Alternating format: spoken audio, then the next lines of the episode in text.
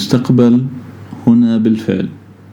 كل ما عليك أن تفعله أن تفتح عينيك على مصراعيها حتى تراه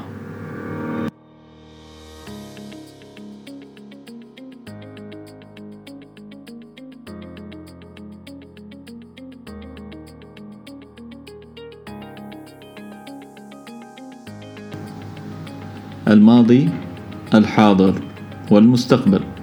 هل تساءلت يوما كيف سيكون عالمنا بعد عشرة خمسين أو حتى مئة عام من اليوم؟ هل تساءلت عن مستقبل الوظائف أو التغير المناخي؟ هل سمعت يوما بالثورة الصناعية الرابعة؟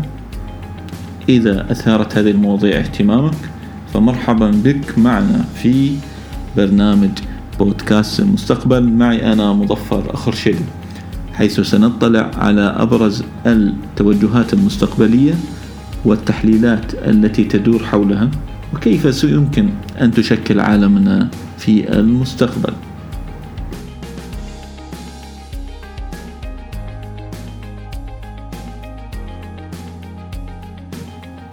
هل تعلم كم يفكر الشخص العادي في المستقبل خلال اليوم؟ أعطني رقم حسب إحدى الدراسات فإن الشخص العادي يفكر في المستقبل كل خمسة عشر دقيقة أي بمعنى آخر أن التفكير بالمستقبل هو شيء مغروس فينا هو شيء فطري فينا كبشر فإننا نفكر في المستقبل دائما. نفكر ماذا سنفعل غدا ماذا ستكون لدينا نشاطات خلال عطلة نهاية الأسبوع ماذا سندرس في الجامعة من التخصصات؟ ما هي الدورات التدريبية التي سأحصل عليها خلال العام القادم؟ أو إلى مدى أبعد من ذلك ما هي خطتي التقاعدية بعد عشرين أو ثلاثين عام من اليوم؟ إذا فالتفكير في المستقبل شيء أساسي ولكن إذا كان بهذه الأساسية أو بهذه الأهمية لدينا فما هي أبرز الأشياء التي نفكر بها؟ خلال مقابلاتي مع عدد من الأشخاص في معرض إكسبو 2020 في دبي سألتهم عن عدد من الأمور كيف يفكرون في المستقبل؟ ما هي أبرز الأمور التي تشغل بالهم عندما يفكرون في المستقبل؟ فمثلا سألت مانديلا وهي سيدة من دولة جيانا في أفريقيا عن المستقبل حيث ذكرت لي أمور عديدة عن التطورات التكنولوجية وقالت بأن المستقبل سوف يتشكل سوف يتشكل من خلال هذه التطورات التكنولوجية مثل الذكاء الاصطناعي والروبوتات. وأن هذه التطورات التكنولوجية لديها بعض الجوانب الجيدة حيث تسهل عملية التواصل وعملية أداء الأعمال ولكن لديها بعض الآثار السلبية مثلها مثل أي أداة أخرى. ولكن عندما سألت فيصل من أوغندا حول مستقبله وكيف يرى نفسه في المستقبل فقال لي أنه يرى نفسه كمزارع مثل أسلافه ودائما أنه يفكر في عائلته وأن لديه واجب تجاه هذه العائلة الممتدة والتي يجب أن ينفذ هذا الواجب ويقوم به قبل وفاته. عاملة أخرى في إحدى مرافق إكسبو قالت أنها دوما تفكر في مستقبل أطفالها ومن منا لا يفعل ذلك؟ فهي تخاف عليهم بما أنها خضعت لعملية جراحية كبرى وتشعر بالقلق حول مستقبلهم وأنه إذا حدث لها أي مكروه لا سمح الله فلن يعتني بهم أحد.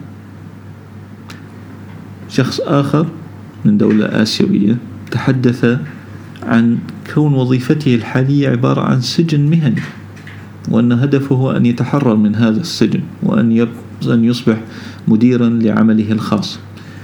وهذا الهدف يطمح له بعد خمس سنوات من الآن. أما سيدة أخرى من الفلبين فإنها عندما فكرت في المستقبل رأت نفسها تجلس مع عائلتها في الفلبين وأنها لديها الحرية المالية بحيث أنها لن تضطر إلى أن تترك عائلتها والعمل في دولة أخرى وأن المال لديها من المال ما يكفي بحيث أن المال يعمل من أجلها وأنها ليست مضطرة للعمل.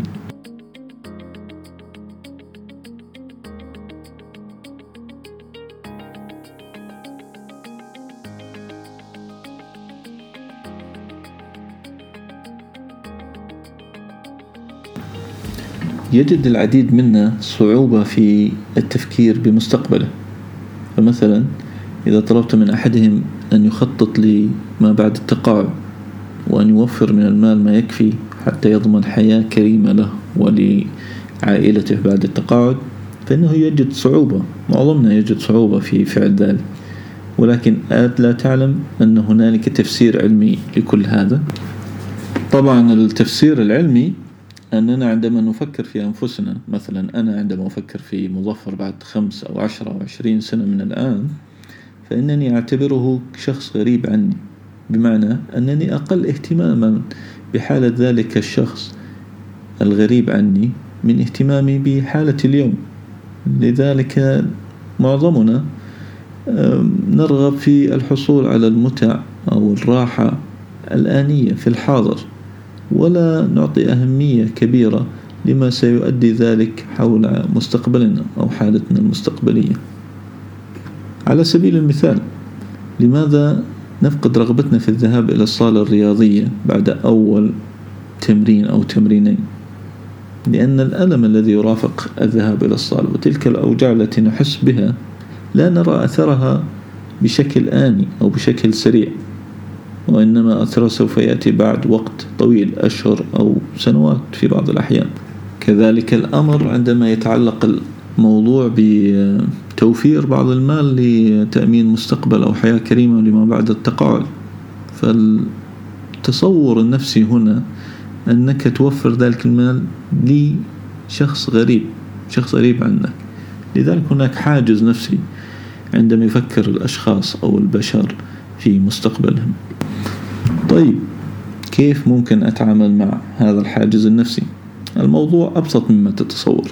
هناك حيلة نفسية وهي أن تتخيل نفسك في المستقبل وأن تعيش المستقبل وكأنه حاضر. بمعنى أن تجعل ذلك التخيل مليء بالمشاعر مليء بالصور بالأصوات. الأشخاص من سيكون معك؟ وضعك الصحي وضعك المالي. ما هي الروائح ما هي الأماكن التي ستكون فيها. من خلال جعل الصورة المستقبلية أكثر حيوية وأكثر حياة فإننا نربط تلك النفس المستقبلية مع نفسنا الواقعية الحاضرية أو في الوقت الحاضر.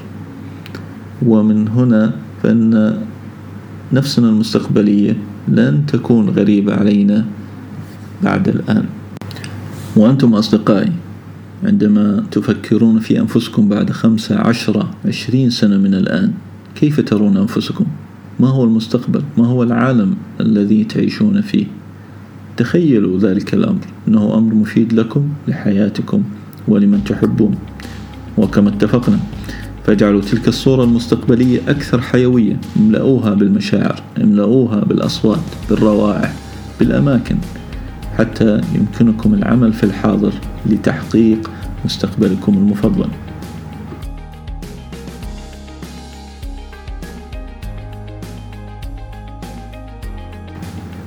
شكرا لكل من استمع لنا في هذه الحلقة من بودكاست إمكان المستقبل نتمنى أن تكونوا قد استمتعتم واستفدتم من هذه الحلقة.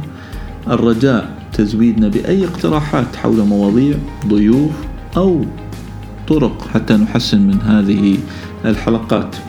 شكرا جزيلا لكم وابقوا في أمان.